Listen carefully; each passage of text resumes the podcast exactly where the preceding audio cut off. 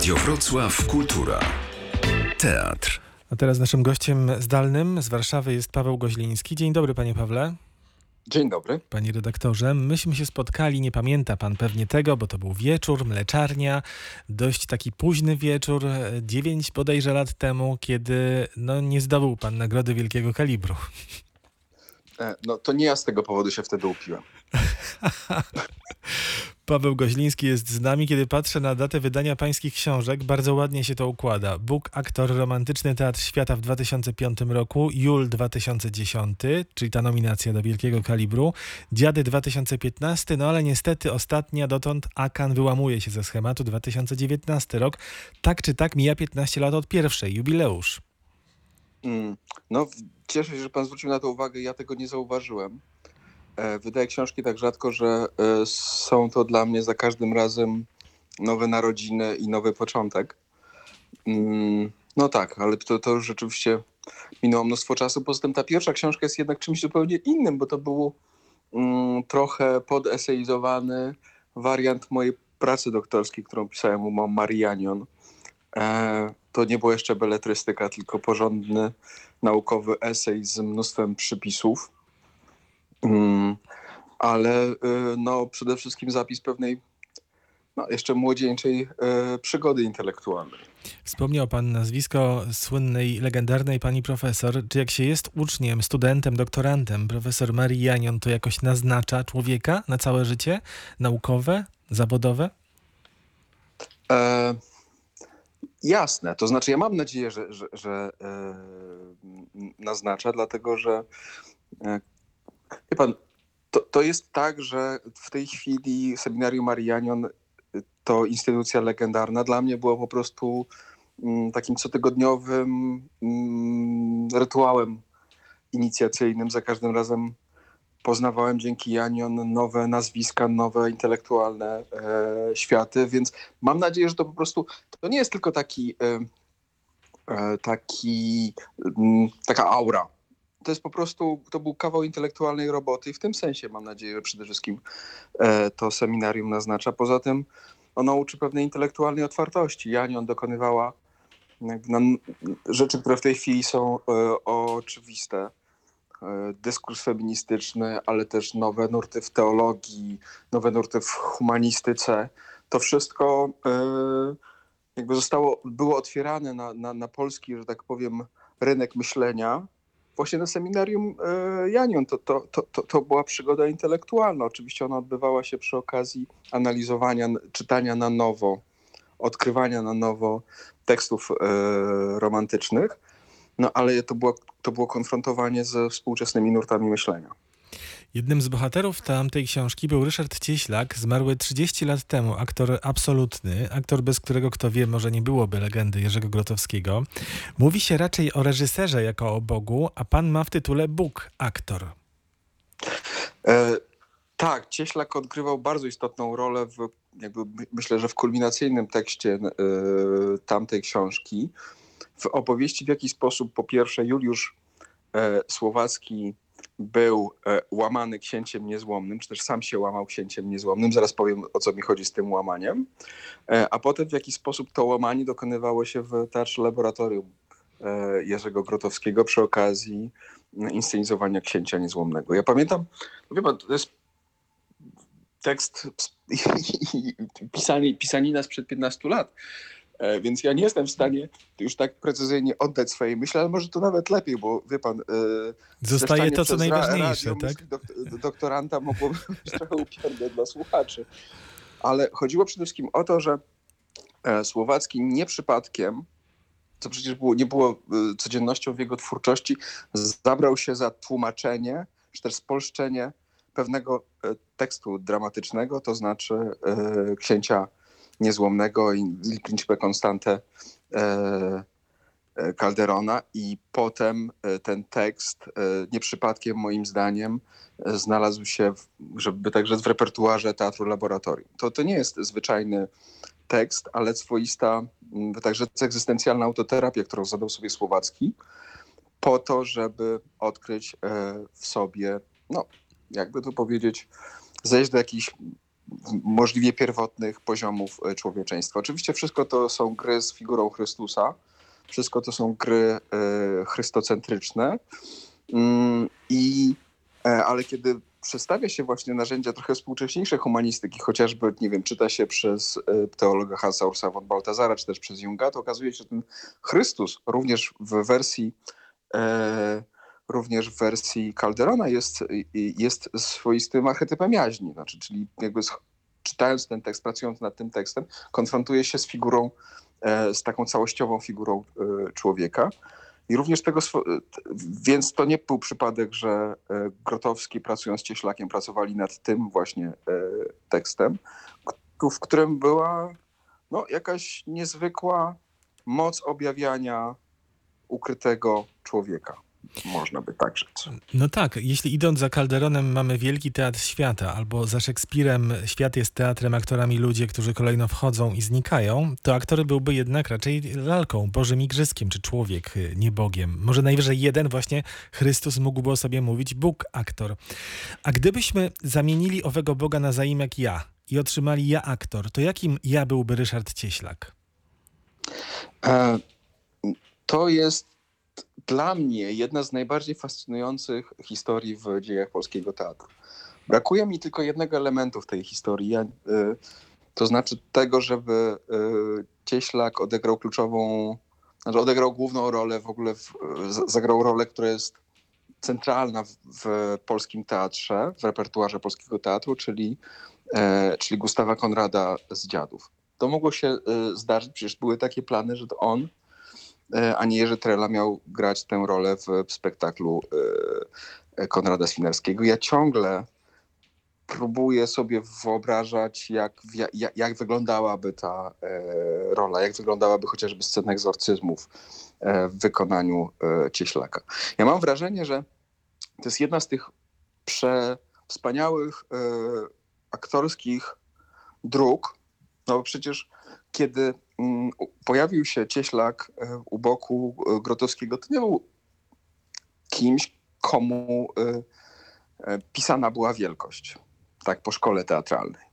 To był ktoś, kto dojrzał, kto przebył ogromną drogę do, mm, ról takich jak Ciemny w Apokalipsis Figuris, czy właśnie jak Książę Niezłomny. I co się dzieje potem? Właśnie żal jest taki, że ten aktor nie miał możliwości, przecież nie miał e, szans, czy może już to było niemożliwe, żeby mógł funkcjonować na, mm, w innych językach e, teatralnych. Ja oczywiście pamiętam jego rolę w Mahabharacie, chociażby Petera e, Bruka, wspaniałą rolę, ale to już był jakby inny, trochę zgaszony e, cieśla, który już nie może, nie emanuje tym e, jakby tą całkowitością, która była treścią i sensem jego ról w teatrze laboratorium. Ja nie wiedziałem o tym, że on miał zagrać, czy mógł zagrać e, Gustawa Konrada u Swinarskiego. Interesował się pan trochę bliżej? Dlaczego nie doszło do tego, do, do, tego, do tej obsady? No niestety już nie ma kogo zapytać. Ach. Już nie ma kogo zapytać, wiele z tych elementów jest yy, ukrytych. Ja zresztą w ogóle mam takie poczucie, że dzisiaj yy, ja trochę nie, nie wiem, czy ma, pan ma takie wrażenie, pan ma pewnie taki jednak wrocławsko-centryczne e, spojrzenie na to, co się e, dzieje. Ja mam trochę warszawsko-centryczne. Ja mam wrażenie, że trochę m, Grotowski i jego teatr e, zeszli do czyśćca, tak jak nie, niektórzy wielcy pisarze schodzą do czyśćca i tam jakby m, no, przestają być w centrum zainteresowania. Dla mnie jeszcze kilkanaście lat temu to był absolutnie klucz do, do wszystkiego, jeżeli chodzi o, o, o moje zainteresowania, zainteresowanie teatrem. E, ale być może to jest moment dobry, żeby e, no, ważne książki o, o Grotowskim i jego teatrze powstały, ale może właśnie teraz jest powrót, e, moment, żeby zacząć opowiadać na nowo. I myślę, że tam kilka historii jest jeszcze do opowiedzenia. Ja nie wiem, czy powstała taka prawdziwa biograficzna opowieść o, o Cieślaku. E, I nie powstała tak naprawdę taka prawdziwa, e, która biografia mm, Grotowskiego, która wy, wychodziłaby w, e, poza, mm, by tak rzec, krąg myślenia teatrologicznego. To taka książka, że tak powiem, nie dla lologów, tylko dla ludzi, która by pokazywała, nie wiem, w takim duchu jak książki chociażby Magdy Grzebałkowskiej, wielkie postaci polskiej kultury. Bardzo by mi się marzyła taka książka. Oczywiście tak, taka książka nie byłaby mm, e, pomnikowa.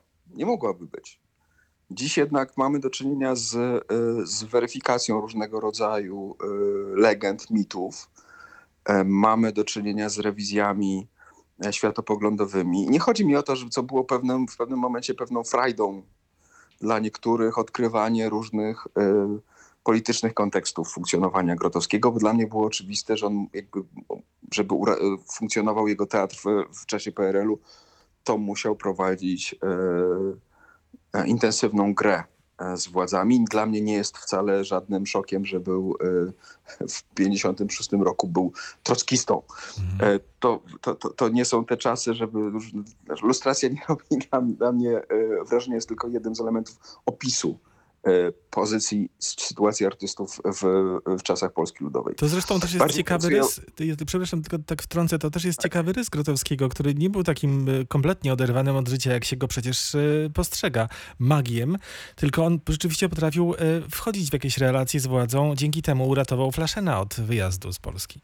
Ależ oczywiście, znaczy jest taka e, figura mitologiczna trickster. Ktoś, kto jest graczem, kto przenika, kto gra swoistą ciemną grę między e, różnymi światami. Nie zawsze, e, no nawet prawie nigdy nie stosując się do e, reguł żadnego ze światów. Myślę, że taką figurą był po trosze również Jerzy e, Grotowski. Znaczy on nie mógł ro- robić e, i, w jakiś sposób to oczywiście mieściło się w ramach jego manichejskiego światopoglądu, ale no to już myślę, że to byłoby trochę e, skomplikowane, żeby państwa męczyć. Trzeba byłoby znowu wyciągać te nieszczęsne e, mm, dokumenty i o tym rozmawiać.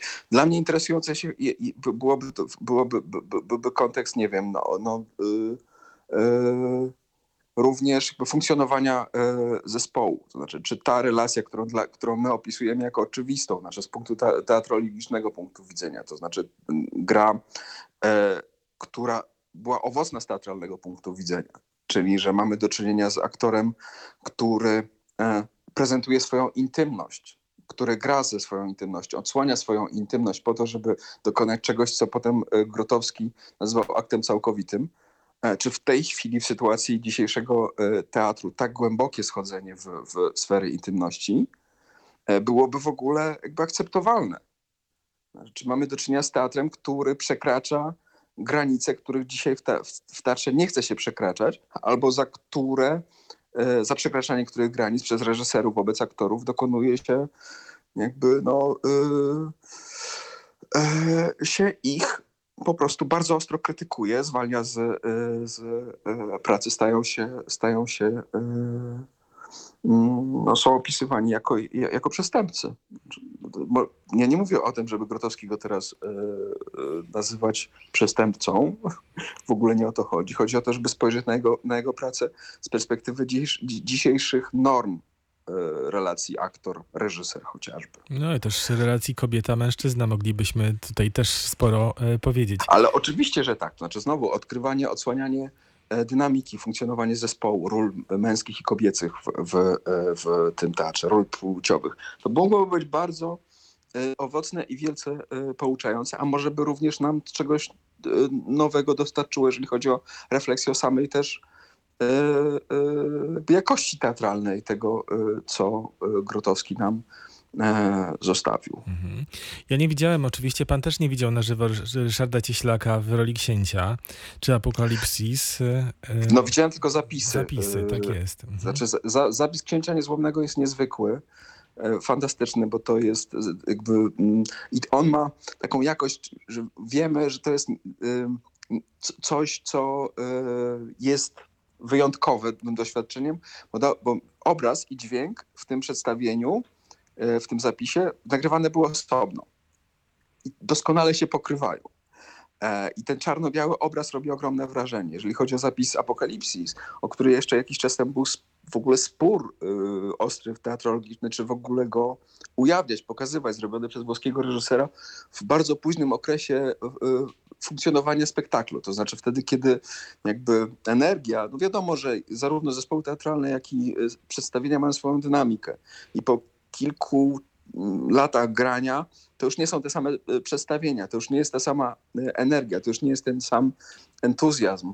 Więc y, to, ten zapis Apokalipsys Configuris jest późny i tam rzeczywiście widać, że to nie jest świeże przedstawienie, że to nie jest, że, że, że w, w tym przedstawieniu już gdzieś wyparowała siła relacji, siła poszczególnych ról, siła scen, więc no ale z drugiej strony, no, jak się nie, nie ma e, innych możliwości dotknięcia e, przedstawień Grotowskiego, no to po prostu nie mamy innego wyjścia. No tak, dobrze, Tylko że... trzeba sobie, trzeba tylko mieć świadomość, z czym mamy do czynienia. Mhm, Dobrze, że one są. Ryszard Cieślak kojarzy się z takim poświęceniem, dążeniem i osiąganiem doskonałości, przede wszystkim technicznej. e, To z interpretacyjną to można oczywiście dyskutować, bo to biorąc pod uwagę konwencję oczywiście tego teatru i tamtych, teatru tamtych czasów, choć wydaje mi się, że to jest e, w dużym, dużej mierze nowoczesne cały czas granie, czy nowoczesny teatr. E, Natomiast e, kilka lat temu, bo kiedy się na przykład zobaczy warsztat, który prowadzi, jest dostępny film na przykład w, w internecie, Mhm. kiedy, który prowadził Cieślak, to rzeczywiście uderza ta biegłość techniczna w, każd- w ruchu, w, w cząstce tego ruchu. Widać po prostu doskonałość. Ale też kilka lat temu w filmie książę Karol Radziszewski spojrzał na Cieślaka jako na męża, kochanka i ojca i tutaj mamy rysy na legendzie. E, no tak, ja no, tak jak mówię, mo- moim zdaniem ta historia, to, to, są do, to, to jest dopiero dotknięcie i pokazanie e, rys, ale ta historia, historia tego tak wielkiego aktora domaga się jakby osobnego e, opowiedzenia. Znaczy, myślę, że jeszcze sporo byłoby do odsłonięcia i, do, i sporo jest do zdokumentowania. E, no, aktorzy z Teatru Grotowskiego y, niemal wszyscy już odeszli. Jeszcze jest sporo osób, które jednak e, pamiętają ten zespół, że tak powiem, przy życiu, więc warto byłoby mm, no, dozbierać materiałów. Być może taka praca się w ogóle, w, w ogóle toczy i tylko o tym y, nie wiem. Myślę, Dla mnie- jest, mhm. Myślę, że to jest Dla ciągle... mnie nie miałaby ona charakteru demistyfikacji, tylko raczej właśnie czegoś, co byłoby fascynującą, e, fascynującym odsłonięciem czegoś, e, czegoś niezwykłego. Zgadzam się Z absolutnie. wejściem za kulisy. Choć pewnie to mimo wszystko jest trudne, bo e, z tego co ja z kolei wiem, to oni no, chcą zadbać właśnie o legendę e, raczej, a nie o tę drugą stronę. Panie Pawle. E, z, proszę jeszcze dwa słowa, tak jest. Chcę tylko powiedzieć, że to jest oczywiście naturalne i cały czas nieustannie będzie się toczył w każdej kulturze proces e, tych, którzy chcą e, pilnować pomników i tych, którzy próbują je odbrązowiać. No, jest to naturalne, e, naturalna dynamika kultury i, e, i ja ani do jednych, ani do drugich nie mam żadnych e, pretensji. Ten proces, tylko trzeba mieć świadomość, że ten proces po prostu będzie e, trwał i owocował coraz to nowymi mm, odkryciami, odsłonięciami, opowieściami.